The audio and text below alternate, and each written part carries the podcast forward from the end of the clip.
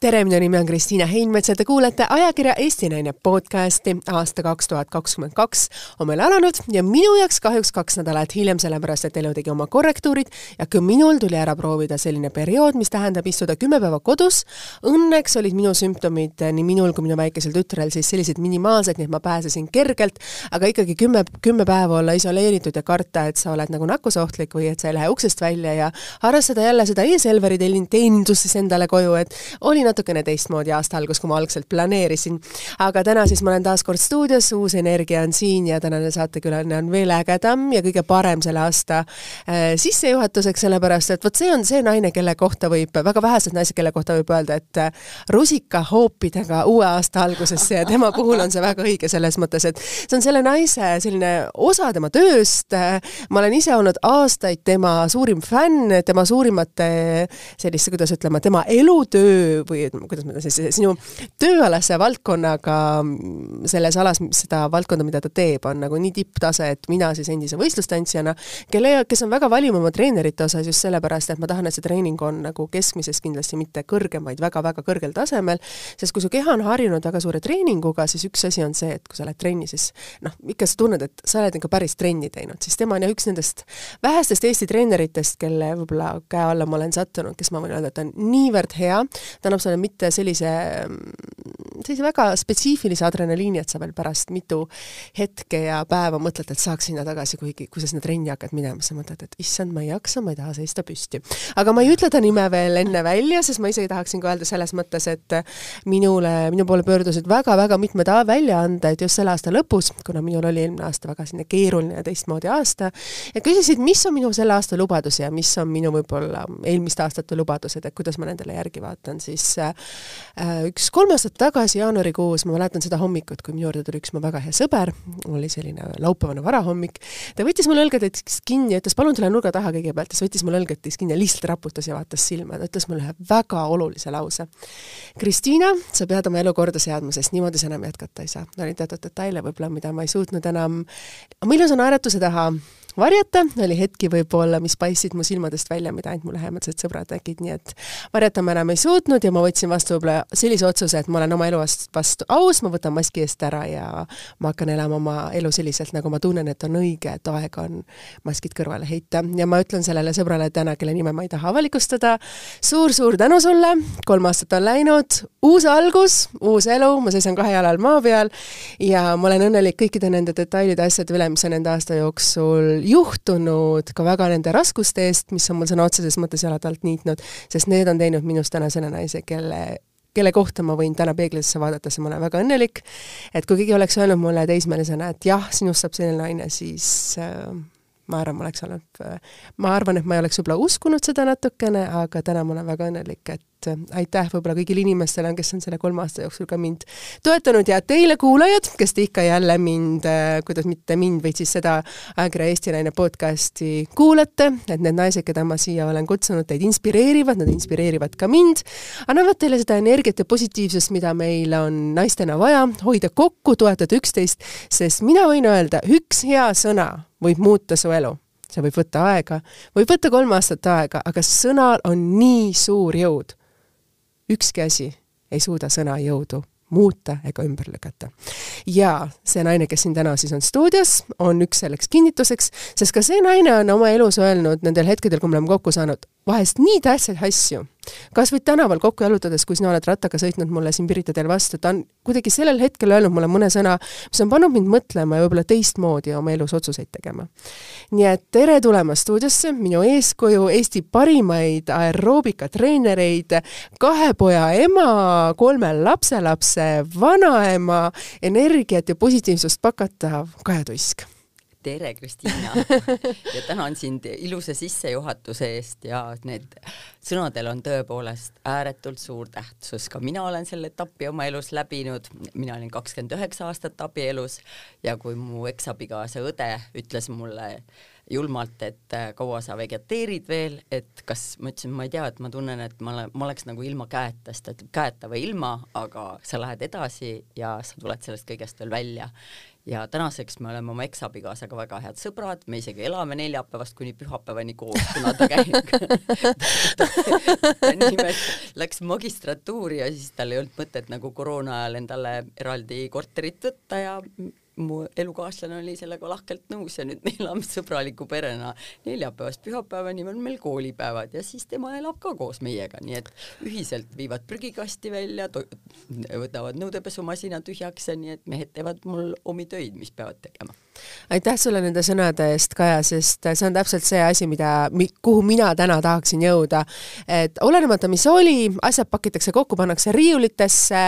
tehakse, kuidas öelda, järeleandmisi, kompromisse, leitakse parim lahendus, sest meil on kõigil üks elu ja see, mis oli, on, kuidas öelda, see on möödanik ja tuleb minna edasi. ja nüüd on, nüüd on kaks, kaks varianti edasi, kas minna selle suure vihakoormaga selliselt, et sa, kuidas öelda, tangina tahad kõikidest asjadest üle sõita, sest sa arvad, et sul on see õigus, või mõelda, et noh, võib-olla teinekord on nagu äh,, kuidas öelda siis, parem nendes valdkondades, kui saadakse hästi läbi ja headus on seega, mida mina olen aastate jooksul näinud, kui sa külvad enda ümber headust ja armastust, siis see on ka see, mida siis sa tagasi saad ja seda siis sulle peegeldatakse, et see oli ka minu selle aasta siis lubadustest, vaatame, kas see täide läheb, et külvata enda üle seda headust ja armastust. just täpselt ja, ja sa oled ise ka kordades märkimisväärselt lõbusam ja ja tervem ja no okei okay,, võtame selle koroona nüüd maha, aga see on ilmselt meil kõikidel sundseis, et mingis etapis tõenäoliselt peavad keegi kõik need läbi põdema. sa väga ilusti ütlesid, et äh, see positiivsus ja see, kuidas heatahtlikkus on nagu hästi olulised, kus on sinu salapatarei? sest pole ühtegi ette, kus ma näeksin, kus oleksid kurb või kus oleks midagi nagu halvasti, see naeratus on sinus alati nii pakatav ja sütitav sina peegeldad mulle näiteks praegu nii. Sest see on ka trennis samamoodi, et nad küsivad, et kuidas sa jaksad, et viis-kuus trenni vanasti tegin, noh nüüd tänu jälle koroonale on seda poole vähemaks jäänud, aga ikkagi, et kõik need näod, kes tulevad, nad tahavad teha ja samamoodi minu, mulle meeldib mu töö ja ma armastan seda. Ja see on suurim rõõm, et sa saad vastastikku seda pakkuda nii et teised saavad võtta, mina saan anda ja tegelikult me peegeldame ja õhtuks koju jõudes ma ei pea nagu väsinud äh, äh vanur äh, susse jalga taga, vaid et äh, ma tulen koju ja ma olen veel valmis õue minema vabalt. kas on mingi salanipp, et kas sa võtad mingeid vitamiine või sa kindlasti jälgid mingisuguseid asju oma elus või, sest noh, meil on ju, kuidas öelda, me teame, et su toit on hästi oluline ja sa näed alati imehea välja, üks asi on kindlasti see, et su eriala on treeningutega seotud, mis siis tähendab, et su füüsis peab olema nagu parimal tasemel, et jätkata oma töö, tööd oma, omas valdkonnas. aga kas on mingid salaretseptid või siis see sala, kuidas öelda, patarei osa, mida meie tavaliselt ei näe? Salapatareid ei ole, aga võib-olla kõige rohkem energiat annavad mulle just need kolm väikest lapselast, et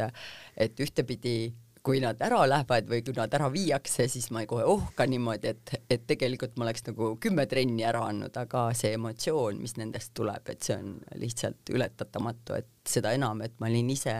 nii noor, kui ma esimese lapse sain kakskümmend, et ma olin veel ise laps, et ma ei osanud seda kõike hinnata ega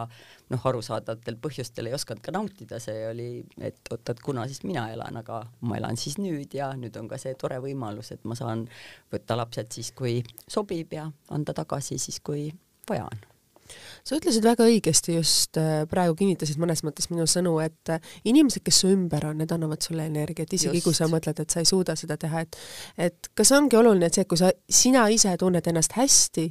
siis ka kõik, kõik ümber on sinu, sinu ümber on ka rohkem sellist naeratust ja headust. ikka, sest ei maksa ju uksest välja minna, et oi, maailm on kole ja paha, no tegelikult ei ole ju. see on väga õige, kuidas sa selle peale vaatad ka, ka nende raskuste peale, kas sa vaatad selliselt, et et ma, kuidas öelda siis, kasutades sõnu, annan kohe otsad või sa mõtled, see on suurepärane, see on mu õppetund ja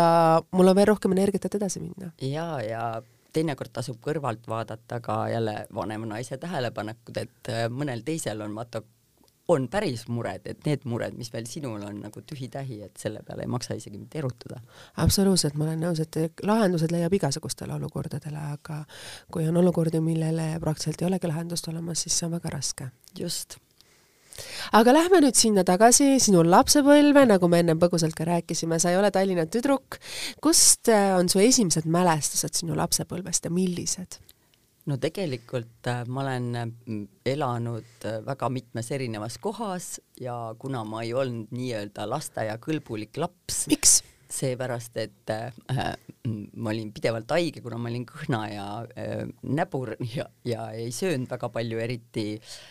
kõiki asju, siis äh, see aeg oli lasteaed äh, esmaspäevast reedeni, ma siiamaani ei saa aru, et äh, miks selline õudus oli nõukogude ajal, aga noh, vanemad pidid tööd tegema, kuigi ma pärast olen mõelnud, et meie lasteaed asus kodust ainult kolme kilomeetri kaugusel ja isal oli auto ka, millega oleks võinud mind ju ära tuua.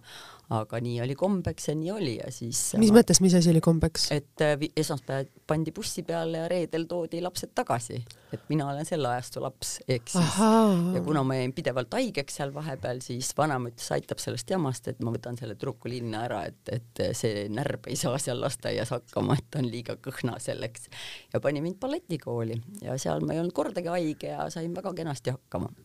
vaata, kus elu teeb oma korrektuurid, et äh, mingisugune võib-olla paljude pere jaoks, perede jaoks probleem on hoopis teise, kuidas öelda, sellest kasvab välja midagi suuremat. Nojah, ja, ja see, et kui sa saad vanavanematega nagu kasvada, et seetõttu ma ise ka hästi hindan, et kui need väikesed meil on, et eh, nad võtavad kõiki kuldmune täiesti sinu suust, et sina oledki see, sest sa oled hoidja, sa ei ole see kasvataja nii-öelda sinul on see rõõmus pool. just täpselt ja sätitamise osa. jaa, täpselt, täpselt. sellest me rääkisime ka hetk tagasi, aga sinna me praegu ei lasku nendesse detailidesse. aga Kaja, räägi, kuidas sa siis Tallinnasse sattusid, et sa läksid siis balletikooli, nagu sa mainisid, et ei, aga Tar Tartus ma käisin jah, Tervishoiumuuseumi juures algselt ja hiljem olime Vanemuise balletistuudios ka, aga see oli juba niimoodi, et kui on viis korda nädalas treeningud ja sa sõidad maale rongiga nagu tund või palju ma siis sõitsin. kus sa elasid siis Tartus? Geeni oli selle koha nimi ja see oli natuke ennem Valgat, nii et äh, juhtus ka kord, et ma rongis lihtsalt jäin magama ja kuna ei olnud mobiiltelefone, siis isa muidugi tuli selle peale, et aa, et Valgas on lõpppeatus, et ma sõidan siis sinna et sai mu sealt kätte ka, nii et see oli päris natuke ohtlik ka päris keeruline, kui vana olid, kui vana sa olid, kui sa pidid hakkama üksinda selliselt rongiga ringi seiklema? seitsmene tol ajal käisid kõik niimoodi, et äh, ise kooli ja ise tagasi ja et polnud äh, tassimist, vedamist selles mõttes. meie aja inimesed on natukene võib-olla nagu treenitumad või sportlikumad ja, ja hiljem, kui ma Otepääle kolisin, siis me elasime sellises kohas äh, nagu Valgjärve. Ja see on küll Otepää lähedal, aga sealt näiteks buss ei sõitnud, kui oli selline tee nagu meil siin praegu täna. Ja, ja siis oli variant, kas sa lähed Soome kelguga kooli või sa lähed nagu suuskadega kooli või kevadel-sügisel sai siis rattaga käidud, kui sa parasjagu viia ei saanud. Ja käisid sa koolis siis kuskil Otepää kandis, aga balletikool? balletikool oli Tartus, nii et sinna sa sõitsid veel edasi pärast Just, kooli? jah, ja hiljem vahetasin võistlustantsu vastu nagu sina mm. et.... aga kuidas sa hakkama said sellega, kui sa ise mõtled nüüd, et äh, sa seitsmeaastasena pidid hakkama kõike seda tegema ja nüüd sul on enda need lapselapsed, et et kuidas sa täna vaatad sellele perioodile? ma lihtsalt mõtlesin, et äh, ma tahan teha alati midagi teistsugust, mida teised teevad ja kuna maal ei teinud mitte keegi ei käinud äh, balletis, aga tänaseks ma olen aru saanud, et kogu see klassikaline tants on kõige alus, et kaasa arvatud ka hiljem võistlustantsus, nagu sa mhm, tead mm, -hmm, on hästi oluline. Yeah., pluss ka boksis mul on märkimisväärsemalt veenvamad jalalöögid tänu sellele. Ja rüht ma, ei ole boksilik sul ja no eks ma püüan ikka sinnakanti. Et nende aastatega on nüüd see ka tulnud, see hoiak, et saab ka boksi hoiakuga hakkama, et jätad juba soodsa mulje ma olen ise ka treeningus olnud ja ma tean, et sa, sa teed natuke teistmoodi seda, et see treen-, treening intensiivsus ja see tase on nagu väga suur. aga see selleks nüüd. aga ma tahangi öelda, et, et kas sa, kui sa nüüd ise mõtled, et sa käisid nagu lapsena edasi-tagasi ja sa ise nagu vaatad nagu nende asjade peale, tegelikult see ongi see, et me lapsena teame, et selline on elu, me ei oskagi teist elu tegelikult tahta, me ei oskagi selle peale mõelda, et võib-olla meie eest peaks hoolt rohkem kandma või me pea, meile võib-olla öeldakse midagi ilusamat või meil võiks olla natuke lihtsam mingite asjadega, et me oleme seal olukorras ja üritame anda endast parima hakkama saada no lapsena puudubki see kõrvalolev variant, et missugune elu oleks olnud, kui oleks olnud nagu teistsugune kodu mm, -hmm. nii et kui sa seda ei tea, siis sa ju ei teagi tahta. nii et nii nagu on või nii nagu sulle vanemad peegeldavad või nii nagu siis on kuskil kodukord ja kombekus, et meil oli see, et inimesed peavad liikuma, samamoodi nõudsin, ma võin ütelda selle tõesti ainus, nõudsin oma poegadelt, et kuni gümnaasiumi lõpuni nad peavad mingit spordiala harrastama, et ükskõik, et ise võivad valida. vaba valik. ja noorem poiss tegi väga hästi korvpalli Tiitsoku korvpallikoolis ja vanem poiss tegi ka natukene, aga ta ujus rohkem mm. -hmm. ja siis viimasel mm, gümnaasiumi viimasel aastal, siis oli, ma küsisin, et kas sa oled valinud omale spordiala, et selleks aastaks, kuna ta käis Rocca al Mare koolis, siis seal olid kõik võimalused olemas, ka kõik tipptreenerid, mille, mine kelle juurde tahad, ka mina andsin ise seal trenne mm. -hmm. ja siis ta ütles, et jaa, et ta valis mm, väitlemise. ütlesin, kuidas see nagu seostub äh, spordiga. füüsilise spordiga, ütles, et jaa, et aga Kaja, vaata, tõused püsti, istud maha, mis lihased toimivad tuharalihas, riienelipealihas, pealegi on see ju liikumine edasi-tagasi kogu aeg püsti ja maha ja, ja mõtled ka veel samaaegselt. aga kui vana ta oli, kui ta sellise lause sulle ütles, see on väga nutikas laps ju. seitseteist ta ongi nutikas ja tal on sama nutikas ka poeg nüüd tulemas, nii et me juba diskuteerime sellistel teemadel, et opa, et võta juba õigukeels-, õig-, õiguskeelsus sõnaraamat ette.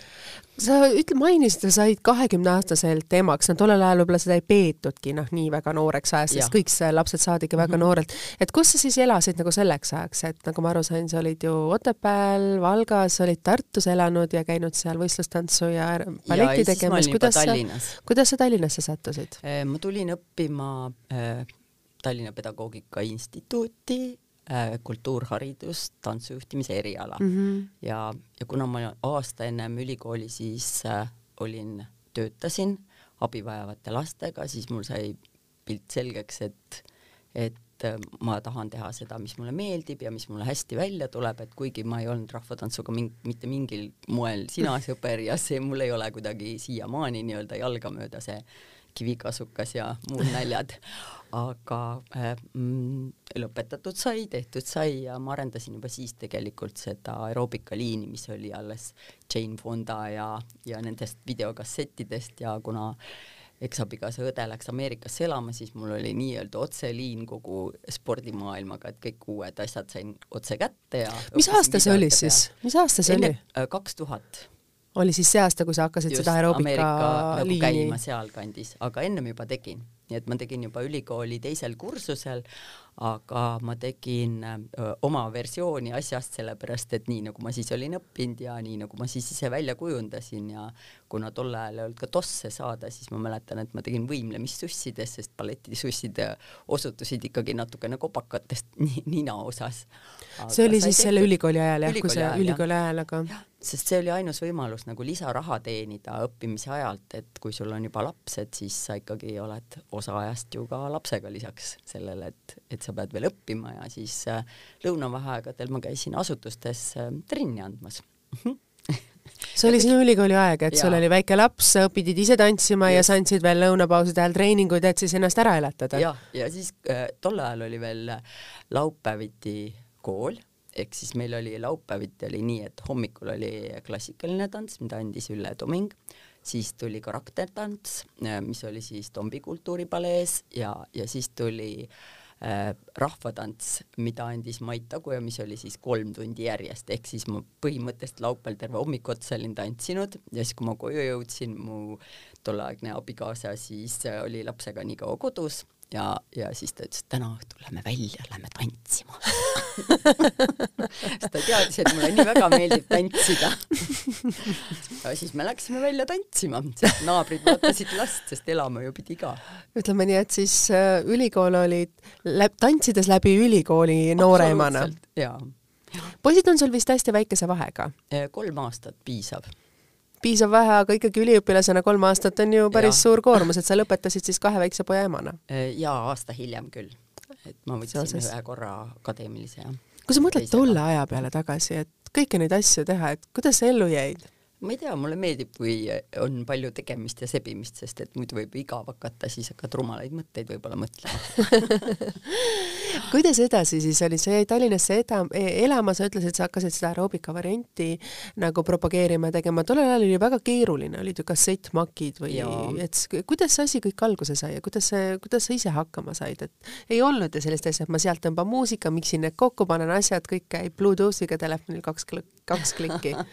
Ja ei, see muusika kokkupanemine on siiamaani tegelikult natukene äh, mul ikkagi kurnav ja ja nüüd mu elukaaslane õnneks aitab mind selles, sellepärast et see kokku miksimine ja kõik, sest et äh, ma ei ole kasutanud spets äh, plaate vist mitte kunagi, et ma olen kõik oma muusika ise kokku pannud. see on alati väga hea, ma ütlen, see on väga-väga-väga hea see on nii oluline osa tegelikult treeningust. et, et kui sind ennast muusika ei inspireeri, kuidas sa saad siis veel teisi inspireerida, kui sul on endale mittesobilik ja meeldiv muusika et see on pool asjast ja ma alati vaatan ka selle peale, et kes mul tunnis on, et kui ma annan nagu eakamatele prouadele või küpsematele, siis ma loomulikult teen ka valiku Bonemi avaosas ja nii edasi, et ja kui mul on siis nagu poksitund, siis mul on ikka rajum muusika. seda ma ka tean et sõltub ja vesiaeroobikas mõnikord on, kui on seenioride tunnid, siis ma isegi otsisin senior special party välja sellise plaadi ja memmed ja taadid kõik niimoodi natukene naeratasid kaasa, et kui oluline on treeningute juures kuidagi su enese, enesetunne ja asjad, et sa oled ju haige ka teinekord või sellist asja ei juhtu?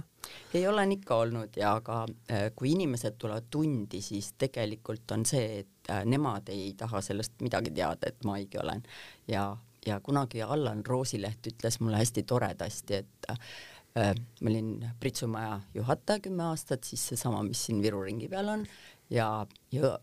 ma olin nagu murelik, et nii vähe rahvast on, et kui piinlik, et meil on nii noh, nagu hea diskoral on Roosileht, eks ole, ja mm -hmm. ja siis ainult nii, nii tõesti käputäis inimesi ja siis Allan ütles, et, et mis sa muretsed, et tegelikult mina olen siin nagu artist, et mul ei ole vahet, mul ei tohiks olla vahet, et kas mul on kümme inimest või mul on tuhat inimest siin saalis, et äh, ka see kümme inimest tahavad selle emotsiooni kätte saada, mis nad muidu oleks saanud, kui oleks rohkem inimesi, nii et täpselt sama kehtib ka Äh, kõikide mu treeningute kohta, et ja sa ei saa sinna minna äh, mossis torris või, või pahur või kellegi peale kuri olles, et, et siis sa ju näitad seda välja, et sa ei anna nendele head energiat. sa ütlesid väga ilusasti praegu, et maski ei tasu kanda selles mõttes. jah, nii on maskid tuleb, kuidas öelda, kõrvale heita ja mida varem ja. me naistena sellest, äh, seda mõistame, seda parem. just see ka muidugi. Ja, ja kelle eest sa siis ennast petad, et kas iseenda ees või, et või kuhu taha sa siis varjud või kui pikalt sa varjud, et ega see lõputult ikkagi ei kesta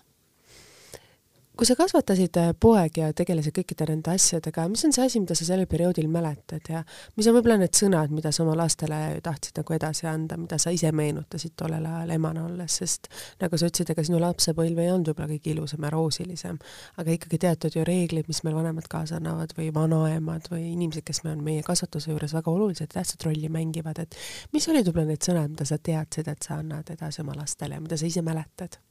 Mm, no kindlasti see, et äh, ükskõik, mida sa teed, tee seda asja just täpselt, mis sulle kõige paremini sobib ja mis sul hästi välja tuleb, siis tegelikult valmistab see ka teistele rõõmu, et see on üks asi kindlasti. teine asi loomulikult ausus, et nüüd silmas pidades, et mu eakam poeglaps on poliitik, siis oleks võinud seda küll vähem soovida, et seal on väga raske sellega, sellega nüüd läbi lüüa, et, et sa nii üdini aus oled ja, ja, ja kindlasti ka see asi, et äh, mingisugune liikumine ikkagi elus peab olema.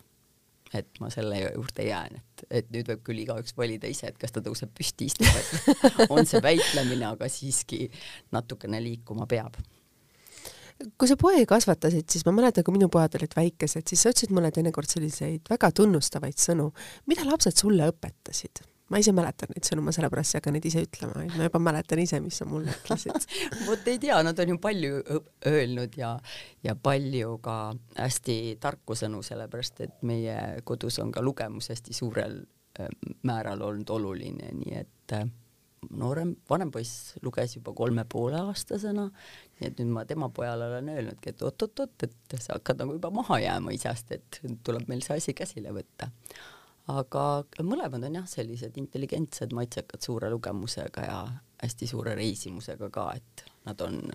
käinud ka vanem poiss just nimelt äh, suisa pöidlaküüdiga pool maailma läbi, nii et äh, reisimine annab ka mu meelest väga palju juurde, et seda me oleme ka püüdnud nii, et kui vähegi võimalik, et siis ikkagi suunata. pöidlaküüdiga pool maailma mm -hmm. läbi sõita, küll on julgus. jah ei, mures ma olingi mõned korrad küll eriti kui ta, kas see oli nüüd Iraan või Iraagis, kus ta siis sattus tilgutite alla, siis mul oli küll vähe kahtlane tunne, et Oi. mis siis nüüd. ja, ja mõnikord ta ka ütles, et aa, et no mis sa arvad, kus ma pidin seda telefoni siis laadima, et puu külge seda just ei ühenda telgiga siis neid hetki ikka tuli ette.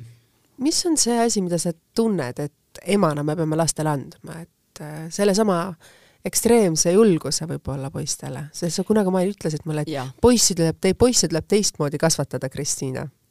jah, neilt ei tohi ära võtta seda mängulust ja julgust, sest et ega muidu kasvaksid neist ju teistmoodi mehed seda küll. aga mida sa mäletad veel ise emaks olemisest, et ähm,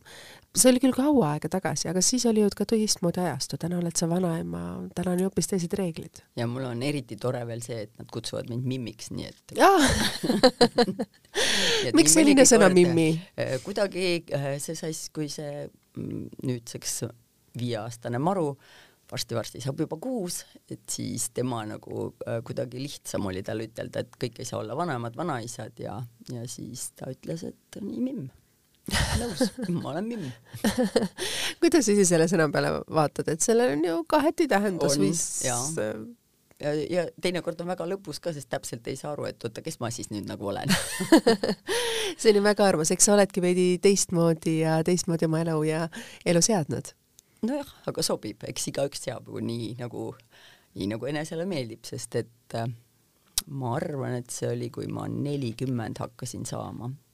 siis äh, ma mõtlesin enda jaoks järgi, et äh, ma olen terve pool elust pühendanud oma perekonnale, oma lastele, kõikidele ümberringi, et nüüd ma tahaks hakata tegema neid asju, mis mulle endale meeldivad ja mis ma ise tahaksin teha, muidugi mitte arvestama teisi jääda, pereelu on kõige olulisem aga nagu selle suunitlusega, et et ka endale rõõmu valmistada. see on meil midagi ühist, sest äh, umbes neli aastat tagasi, kui ma olin kolmkümmend üheksa, siis oligi just see, see oli minu jaoks selles mõttes samamoodi paberile asjade paberile panemise aasta, kus siis oligi see nelikümmend oli ees tulemas, kas see on siis identiteedikriis või kuidas me ütleme, keskekriisiks või, vaid minu jaoks oli oluline see, et ma otsisin üles selle paberi, mida ma kirjutasin siis, kui ma olin ligi kahekümne aastane ja ma vaatasin, kui palju mul on tegelikult selle kahekümne aasta jooksul tegemata olnud ja kui ma mõtlesin sellele küsimusele, et miks, siis oligi täpselt seesama põhjus, et aga pere, aga mm -hmm. abikaasa, aga kõik see heaolu, et kõik see on ju palju olulisem minu jaoks, aga mina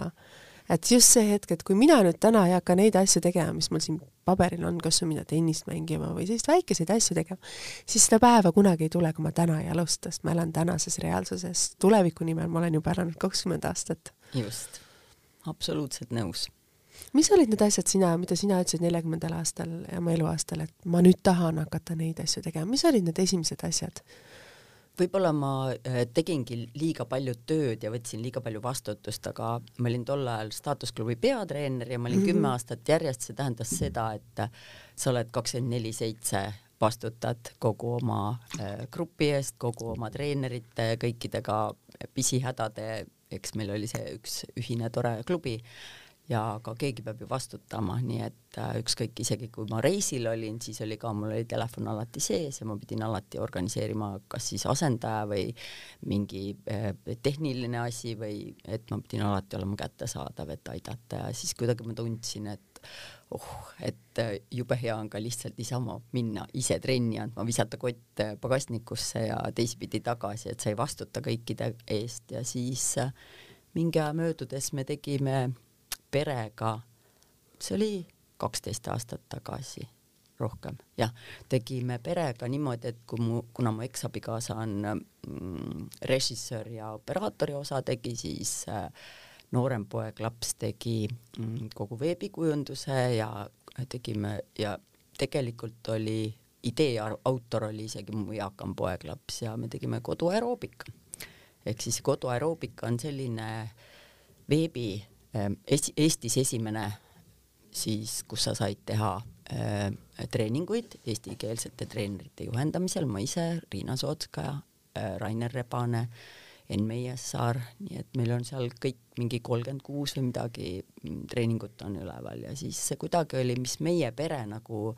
ühte sidus uuesti või et noh, me nagu tegime ka tööalaselt midagi koos, sest et et selles vanuses, kui lapsed hakkavad ära minema kodust, siis kuidagi tundub, et nagu kodu jääb tühjaks ja, ja et sul ei olegi nagu rohkem enam mingit väljundit, et ei ole ühisosa enam abikaasaga. sest lapsed oli ju see, mis mhm. põhiliselt mm -hmm. sidus. ja et sa pead nagu kogu aeg ikkagi logistikat mõtlema, kellele, kuidas ja ja siis tegime selle ja, ja see on hästi paljudele inimestele rõõmu valmistanud ja siiamaani veel ma saan, noh, suhtlen osadega nagu Skype'i teel, et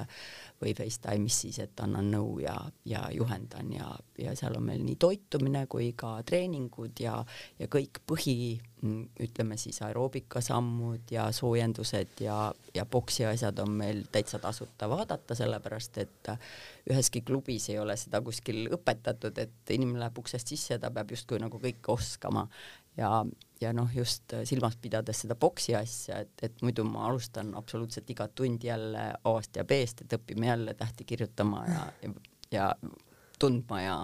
ja kui sa ju tähti ei tunne, siis sa etteütlust ei kirjuta, samamoodi on ka boksi. see oli siis su, kuidas öelda, kolmas laps, sinu beebi, roosa beebi mõnes mõttes aeroobika valdkonnas ju no,. natukene jah, sinnapoole. Boks, boks ja muud valdkonnad sinna juurde. nii et see on see asi, millega sa siiamaani siis vist nagu tegeled, et sa lõpetasid ära võib-olla sellise positsiooni otsimise ja karjääriredeli ülesronimise, aga kui keeruline või raske oli sul selles mõttes sellest loobuda, et ikkagi staatusklubi oli Eesti eksklusiivsemaid klubisid, ta oli Eesti hinnatumaid klubisid, sinna sa sissesaamine ja need aastamaksud olid ikkagi no neid ei andnud isegi kordades võrreldagi nende teiste klubide aastamaksudega, et need olid ju väga suured, väga kõrged, seda said väga vähesed lubada endale. et ja nüüd siis, kuidas öelda, loobud sa kogu sellest tegelikult edust, mis on sinu valdkonnas üks ju suuremaid, mida sa saad saavutada, noh, küll kui sa oled nagu tööalaselt, kuidas öelda siis, aktiivne, mitte sa ei loo oma ettevõtet, et see oli mõnes mõttes ka see sinul sisemist sellist kaemust ei tekkinud, et kas sinu see sisemine rahulolu oli tollel hetkel olulisem kui see karjäär? ma arvan, et kõik oli kokku liiga palju juba ja, ja et mingil hetkel on see, et, et kui sa tuled äh,, mõtled ainult, et ahaa, et mis mul veel tegemata, mida ma veel pean tegema, et siis hakkab nagu seesmiselt ka veel närima. Ja, ja kui sul kõik need asjad kokku jooksevad, siis tegelikult annab kõige nõrgem lüli tunda, et ja see on paraku tervis meil, nii et mida me peaksime just ise vaatama, et et olla terved ja võimaldada teistele treeningute tegemine, siis minul oli see, et mul lõi see tervisega välja ja mul oli pilt selge, et nüüd ma pean võtma hoo maha ja korrigeerima nagu. kas oma... oli hirmus tegelikult, vanus nelikümmend on ju nii noor? jaa, ei midagi hirmsat ei olnud, sellepärast et kui on ennem pandud pöörase tambiga, siis tuleb üks hetk ka korraks nagu maha istuda ja mõelda. kuidas edasi? just täpselt, sest et, et kui sul juba tervisevead tekivad, siis, siis see tähendab seda, et sa ei anna seda tööd enam edasi, aga seda ma ju ei tahtnud, nii et ma pidin kõike korrigeerima ja ma tegin omad otsused ja ja annan tänaseni treeninguid ja kavatsen teha seda kuni, kuni jaksan, sest et jumal tänatud, osad vananevad ka koos minuga. Väga armsasti on tegelikult öelda see ongi, et need inimesed, kes on meie ümber, nad, kuidas öelda, käivad meie eluetapiga kaasas, et tulevad uued eluetapid juurde, aga need on kuidagi, see osa, mis oli sinu ümber, see jääb alati alles. aga palju sinu pojad on sind toetanud, et sa ütlesid, et sa, nad kasvasid üles, kui ägedalt nad sulle ütlesid neid lauseid, et kui palju nagu sellistel hetkedel on vaja, et lapsed sind toetaks, sest noh, kui sa kahekümneaastaselt said emaks, poisid olid sul tollel hetkel siis kakskümmend, seitseteist, et see oli mõnes mõttes ju ka nende jaoks väga õrn aeg, eneseotsimise aeg ja tihtipeale on võib-olla lapsed need, kes on juba, lendavad kodust ära ja ei vaata enam tagasi, kuidas ema, ema-isaga hakkama, ema-isa hakkama saavad, et äh, kuidas sinul õnnestus neid nii kasvatada, et nad olid su ümber veel alles mm.? ma pean ütlema aitäh siinkohal ka oma eksabikaasale, sellepärast et meil oli algselt saadik kokkulepe, et äh, me ajame ainult ühte liini, et kui üks ütleb nii, siis on ka teine nõus, mitte ei hakka vastu kangutama, vaid mingit äh, muud oma rida ajama, seetõttu oli meil hea lihtne, et isegi kui teise vastus või äh, suunitlus ei olnud võib-olla pedagoogiliselt kõige õigem, kuigi me mõlemad õppisime pedagoogilises instituudis, saime ka seda, eks ole, aga siis, äh, siis lapsed tegelikult äh, võib-olla olid natukene meil kuuletumad ja alluvamad, kuna nad ei ei olnud meil kodust nagu, et nagu, kuidas ma siis ütlen, et me kutsusime juba alates sünnist saati kõiki nimesid pidi, et nad ei öelnud meile ema-isa ahaa, miks, miks selline otsus? ma ei tea, mu eksabikaasa kuidagi arvas, et kõik peavad võrdsed olema, et kui sa siia ilma oled tulnud, siis sa pead enese, et sa siin elad, pead ka midagi tarka ära tegema ja head, et mitte, et sa ei vegeteeri niisama kodus, et et nagu tänapäeval palju ma näen, et laps, lapsi ei, mitte siis ei sunnita tegema, aga meil oli see elementaarne, et, et kuna meil ei olnud nõudepesumasinat, siis meil poisid pesid ka seitsmeaastasest saadik nõusid, et üks pesi paaris päevadel, teine paaritutel päevadel, nii et noh, neil ei tulnud nagu kuidagi küsimustki, et oota, et kuidas me ei tee, kui nad on kogu aeg teinud seda ja regulaarselt ja koristama pidid ka ja siis tulid veel trahviringid, kui keegi pahasti käitus. Kuidas sellesse suhtuti? Ma tahan seda väga teada, sest meil on ka teinekord, et see tuba on ikka väga pea peale pööratud ja just seda selle, pärast seda, kui ma olen eelmine õhtu lõpetanud selle pika koristuse, kõik asjad sättinud, mänguasjad ära ja nad on jälle kõik tagurpidi ja mul on tütarlaps kodus, et kuidas see õnnestub? no vot, ma isegi arvan, et see, ma olin ilmselt liiga range ka selles osas, et ma olin tõenäoliselt väga range kõiges peaaegu, aga mis puudutas, ütleme siis kultuuri ja, ja mm, seda valdkonda, siis äh, selles valdkonnas oli äh, kõik lubatud, et iga pühapäev käisid ikkagi teatris või kontserdil ja see on nii oluline, see on nii oluline laste kasvatuse juures on ju mm. -hmm.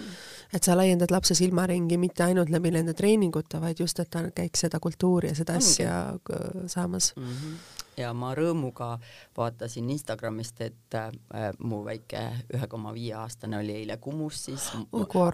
moodsat kunsti Oh, vaatamas nii et algus on juba tehtud väga armas, ma mäletan seda, et äh, minu jaoks oli hästi oluline emana, et mu poisid oleks äh, reisinud mm. -hmm. maailmas nii palju, et kui nad hakkavad õppima seda ajalugu, et siis nad on käinud ära Ateenas, et nad on neid templeid ise näinud. seda, see, see sai tehtud ja ma mäletan seda, et nad on käinud, käisid ka ära Sixtuse, Sixtuna krabelis, kui samamoodi oli see ajaloolised, nad teavad, mis asi on Rooma. et nad on seal ise käinud, nad on seda kolossiumit näinud, et nad oleks seda Sixtuse kabelit näinud ja nad teaksid nendest asjadest. Nad on käinud äh, ka mitmetes Pariisi muuseumites, mis on nende jaoks samamoodi nagu normaalsus. me ei ole kunagi jõudnud Louvrisse, sest siis olid need sissepääsud mm. -hmm. juba piiratud ja meil ei õnnestunud neid pileteid saada, sest noh, ega kõike sa kätte ei näe mm. -hmm. noh, kui sa lähed sinna, nii et selles mõttes on jah hästi oluline lapsel reisida ja silmaringi laiem, laienemine. see on jälle, kuidas kellelgi on võimalik, aga tegelikult ma vaatan oma neid äh, noori, et äh, nemad on reisinud äh, no, tohutult, et kui ma pean ütlema, et see viieaastane poiss on siis tänaseks käinud kolmekümne kahes erinevas riigis et siis, siis vist lisama ei pea, aga nemad on sellised seljakotiga reisijad ja alati vaatavad, et kõik oleks nagu äh, kõige soodsamal ajal ostetud ja kui on võimalus sättida, siis jumala eest, et mul on ainult väga kahju, et kui nad kaks kuud järjest ära on, et siis ma igatsen nende pisikeste järgi. kui on võimalik sellist elustiili lubada, siis tuleb seda kindlasti teha, et reisimine on väga just suur. lastel enne, enne kui nad kooli lähevad, et sa saad nad kaasa võtta ja neid maailma avardada, siis see on nii oluline asi. mm. -hmm. no siin meil oli, läksime sügisel Hiiumaale ja mm. -hmm. siis äh, viieaastane ja kolmeaastane Kõu siis ütleb, et et hmm, Hiiumaa, et, et ei tea, kaua me nüüd lennukiga peame sõitma siis ja siis Maru, see viieaastane, seletab Kõu, see on Hiiumaa, maa on ainult liide otsas ja me lähme praamiga. Vau, eks ole, sealt juba tuleb. Sealt juba tuleb, et lapse silmaring on nii suur ja lai, et ta saab aru, et see on absoluutselt imeline. kui sa nüüd ise oled vanaema, mis on võib-olla need järeleandmised, mida sa oled teinud, et sa ütlesid, sa olid väga range ema, kõik asjad käisid jooni mööda. kuidas see vanaemaga nüüd see koristamine on, meil on see, mul on endal see koris, lapse toa korda saamine, et laps seda kuidagi teeks, on nagu see väga hingel täna veel. No ma olen see, see natukene siis äh, lähen kergema vastupanu teed, et, et, et äh, preemiat järgmine kord see ei saa, kes ei korista. Nii et odava populaarsusega ostan ära. selge, no meil on praegu, et päkapikkude salajutt. kuna me kolisime uude koju, siis oli see noh, et päkapikud hakkavad varsti käima, uus Just. Kodu, et neil on vaja vaadata, et siin kõik oleks hästi korras, siis nüüd ongi see, et äh, olenemata olukorrast, kus ma olen, mul on vaja kõrva sisse rääkida, miks ta ühte või teist asja ei tahaks, et päkapikud ei kuuleks, et noh, see on ka selline väike võluvits mul nii tore. et noh, mingid asjad nagu muidugi õnnestuvad. peab ikka. Aga kui, kui sealt edasi minnes, siis äh, mis siis oli võib-olla see olukord, et nagu sa ütlesid ka, et keegi andis sulle sellise, et raputava hetke sulle elus ja ütles, et nüüd on vaja muudatusi teha. kui raske või keeruline see sinu jaoks oli, sest kakskümmend üheksa aastat on väga pikk aeg. nii palju on ju tegelikult ühist ja need, mida sa noh, mida ja need isegi rohkem. ja, ja need köidikud, mida sa tegelikult pead hakkama ju lahti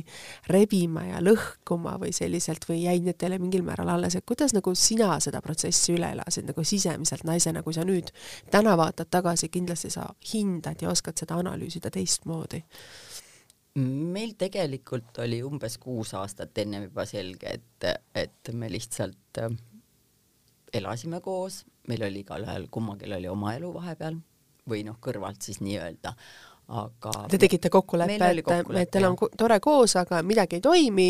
et ärme siis seda päris asja ära lõhu, mis me oleme üles ehitanud, aga vaatame, kuidas teistmoodi. lihtsalt me elasime koos, ütlen ausalt, et ega muud ei olnudki. et aga see etapp oli mm, selles mõttes hea, et ta andis kuidagi üleminekuks, et see, kui sa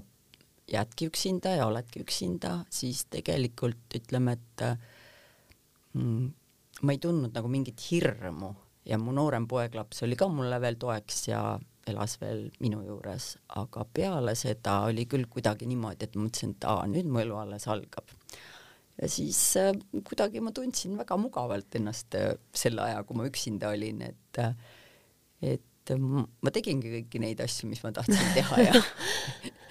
ja saingi endale pühenduda ja lubada ja, ja kui ei tahtnud, ei teinud ka midagi, viskasin jalad diivani peal ja ei tundnud kellegi ees süümikat, et oota, ma ei ole kellelegi süüa teinud või kellelgi midagi ära triikinud või, või veel miskit. see on hea tunne. see oli väga tore tunne, aga mul on ka praegu väga tore elada, sest et seda etappi oli vaja, et puhastuda, et anda endale ka aeg, et teha need omad asjad ära ja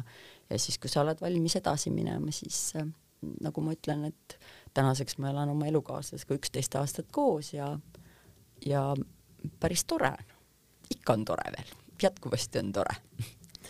mis on võib-olla see asi, mida sa tundsid võib-olla mingil hetkel, et mis teid nagu eraldi tõmbas? et see on pikk aeg, et mis oli see, sa ütlesid, et lapsed olid suureks kasvatatud ja sa tundsid, et on nagu tühjus võib-olla see, et tema oma karjääriredelil läks,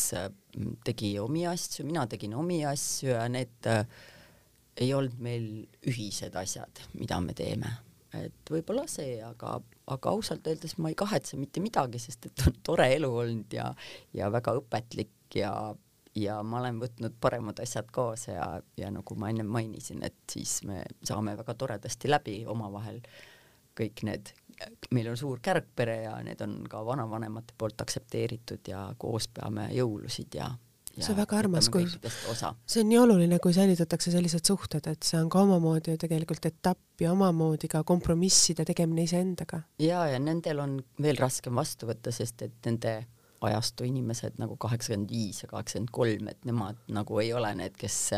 nüüd me lahutame, nüüd on prõmm yeah. laiali, et me ikka tükk aega veel äh, üritasime kuidagi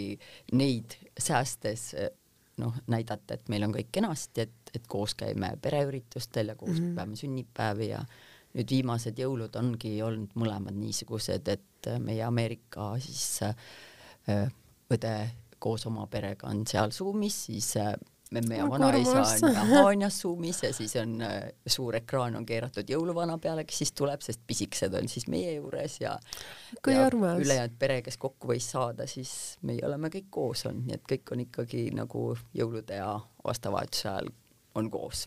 Nii imeline, aga see ju võtab nii palju energiat ju ka ja see on tegelikult ju tahtejõud, et sa suudaksid kõikidele selgitada, et see on vajalik ja see on oluline ei tea, kõik saavad ikka ise aru, et, et meil on kuidagi ühtehoidev pere, et kui kellelgi on mingi mure, siis aidatakse ja eilegi mu proua eksam veel helistas ja ütles, et nii, et nüüd see kalender tuli siis ära. Väga armas. sa ütlesid ka, et äh, kui ollakse abielus või ollakse pikalt koos, et kui ei ole seda ühisosa, siis asi läheb laiali. Jah, ja ei maksa pingutada ja siin ei maksa ka seda ütelda, et ootame nüüd laste pärast elame koos, sest et tegelikult lapsed on esimesed need, kes tunnetavad ära, kui midagi on pahasti ja tänaseks ma võin ütelda, et, et meie mõlemad pojad on nagu nii rahul, et, et kogu pere on koos ja et võetakse hoolt ka noh, nagu kõikide kaaslaste eest, et kõik ongi nagu koos. ja ilma igasuguse ilutsemata, et ei olegi põhjust, sest et ongi tore. aga seda tahet on ju vaja kõikidelt osapooltelt, et kui üks osapool on selline turris siil, siis ju see ju torgib kõiki. jaa, aga ma arvan, et mingi aja peale lahutust võib-olla on, ongi see, et mõni ongi torris ja, ja tige, aga noh, anna nagu ikkagi aega atra seada selles mõttes, et asi läheb ju üle. et ega siis ei pea ju elu lõpuni jääma okassiiliks. kui sa vaatad nüüd oma poegi ja nende elusid ja asju ja kas sa vahest näiteks mõtled, et oleks minul olnud tollel ajal sellised võimalused, sest noh, sinu noorus oli ikkagi ju raudse eesriide taga veel ikkagi vägagi palju, et sellised roosa silmavärv ja sädelus ja kuidas öelda, silmanurkadesse, mis tollel ajal oli väga populaarne ja leida siis kuskilt see ripsmetušš üles, mis läks laiali, kui vihma sadas, et see oli meie, see oli sinu ajastu noorus tegelikult. jaa eks see oli natukene naljakas ka, et, et kui sa ikkagi sellised sõjamaalingud tegid nagu Halloweenile peaks minema, et häbi hakkab peale, praegu peale vaadates et kindlasti on meiki mul tohutult, tohutult väik-, vähemaks jäänud, nii et ma arvan, et äh, minimaalseks võrreldes selle ajaga kuidagi siis tundus, et oo, kui ilus võid olla, kui sa oled nii maaliline. kui sa vaatad muidugi täna oma laste elusid, et äh, oled sa vahest mõelnud, et oleks meil ainult need elu olnud, et selline, et siis me oleks sellist ja sellist asja teinud või sa võtadki seda nagu, et igal ajastul on omad reeglid? absoluutselt ja igal ajastul on ka omad võimalused, et ma arvan, et me ei oleks nii mm, võib-olla osavad kõiges, kui me ei oleks selle ajastu lapsed, sest et ma ikka tarvitasin ütelda, et nõukogude naine saab ju igas olukorras hakkama. kasvatab, nagu öeldakse, kuus last ja oma mehega veel üles. jah või kuidas see vanasõna täpselt oli see oli nüüd see saare naine, kes ja. seda teeb jah, Saare naine, et et ma nii palju eh, ei tea, kui need kolm mul juba päev otsa on olnud, siis, eh, siis ma televiisorit enam käima ei pane, et naudin vaikust vahepeal.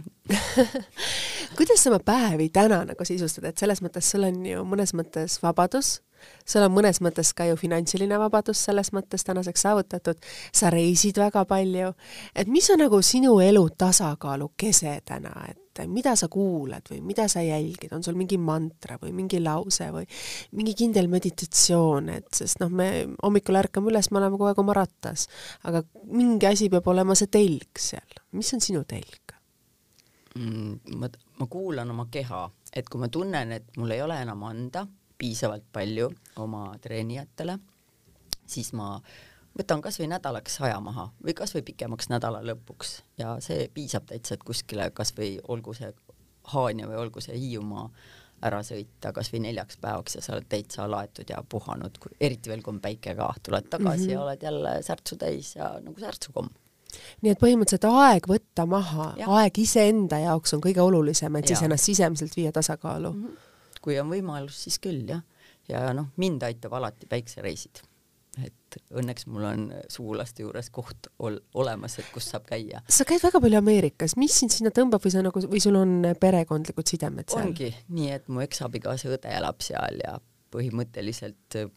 me oleme kakskümmend aastat vist seal käinud, et vastavalt võimalustele siis, et kui sul on koht, kuhu minna, et ma nüüd nagu hirmuga kartsingi, et meie vana koer sureb äkki ära ennem kui ma sinna jõuan, aga õnneks ta oli veel täitsa kobe, et pidi küll aitama vahest trepist üles, et palju treppe, aga muidu lippas veel õues Te käite on ju Floridas ja. seal ja mis sulle seal nagu meeldib sealsete reiside puhul alati, et sa paned neid imelisi pilte üles ja su elukaaslane on kaasas, et kuidas sa nagu ennast tunned sa, et sa oled oma eksmehe õe juures oma uue elukaaslasega mm.? no me, me see on päris eriline kombo, ütleme nii. nojah, ega teistmoodi kombod on ka, et kui mu eksabikaasa tuli oma eksnaisega meile, siis loomulikult ma andsin ka meie magamistoa neile, et ega see ei ole ka mingi püha altar, et ennem me oleme ju seal ise maganud, nii et tegelikult mul ei ole probleemi nende asjadega, et kuidagi no. asi, asi oleks nagu minu oma või see on nüüd kellegi oma või äh, ma, ma ei tea, me saame nagu normaalsed inimesed kõik omavahel läbi ja sellega nagu probleemi ei ole, et kui on vaja, siis teeme remonti seal ja kui on vaja, siis äh, hoiame loomi, nii nagu seekord oli, et ainult kala oli juurde tekkinud, ma ütlesin, vot kalaga ma ei ole küll tegelenud, et näidata nüüd ette, et kuidas sellega asjad käivad. et siis me olime jah, nädal aega olime sootuks koduhoidjad, et nad ise läksid Arizonasesse reisile. kui sa nüüd ise mõtled oma elu peale, et ja vaatad kõige see viiskümmend seitse aastat tagasi, et mida sa oled hästi teinud Mm, ma arvan, et ma olen äh, väga head poisid kasvatanud. see on, on ju oluline. Õigupoolest meie oleme, ma pean ikka nii ütlema. kui lapsed saavad suureks, siis on ju kõige olulisem, sa vaat-, mõtled nende elu peale tagasi, oli, mis oli, aga see, et sa suutsid nendest head lapsed kasvatada, see on nii oluline meile ema jaoks. ja empaatiavõimelised, mis on ka väga oluline meesterahvaste puhul. jah, see on hästi oluline, et nad mõistaksid mis on võib-olla teine asi olnud, mida sa mõtled, et see, et sul on tublid pojad, mida sa võib-olla iseenda seisukohast mõtled, mida sa oled nagu hästi teinud? Ma loodan ja usun, vaadates tagasisidet, et ma olen päris paljudele Eesti inimestele võimaldanud toredaid treeninguid. ei ei, ei, ei, mitte treeninguid, vaid ma arvan, sa oled pigem andnud inimestele selle energia, mida need, mida nad tegelikult vajavad. selle väga lihtsa ühe asjaga ma võin öelda seda, ma ei pane teistesse sõnadesse. see on lihtsalt see naeratus, kui sa naerad südamest ja mitte see ei ole sul mask, vaid sa tõeliselt siiralt naerad südamest, Kaja. aitäh! see on hästi armas nagu, nagu näha ja kuulda, kui sa lähed trenni ja sa teinekord oled,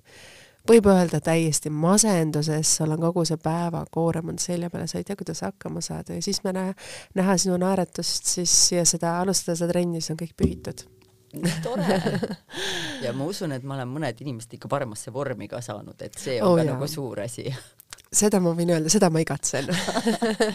no vaadates praegust pilti, siis on ikka väga hästi kõik. no see äh, kümme päeva koroonas ja aastavahetuse jõulud jätsid ikkagi väga ilusad pehmemad mälestused mulle veel, nii et nende mälestuste, kuidas öelda, maha lihvimisega läheb nüüd natukene aega, aga aega on. Need on need jõulu ja aastavahetuse rõõmud, mis sa, lisanduvad ma... ennem veel sa rääkisid vaata ka, et sinu jaoks on hästi oluline see tervislikkus ja asjad, mis on ka sinu selle koduaeroobikaga ka, ka kaasneb, et -hmm. mis on nagu sinu jaoks tänaseks oled võib-olla paika pannud need tähtsamad asjad naisena, et mida me peame jälgima siin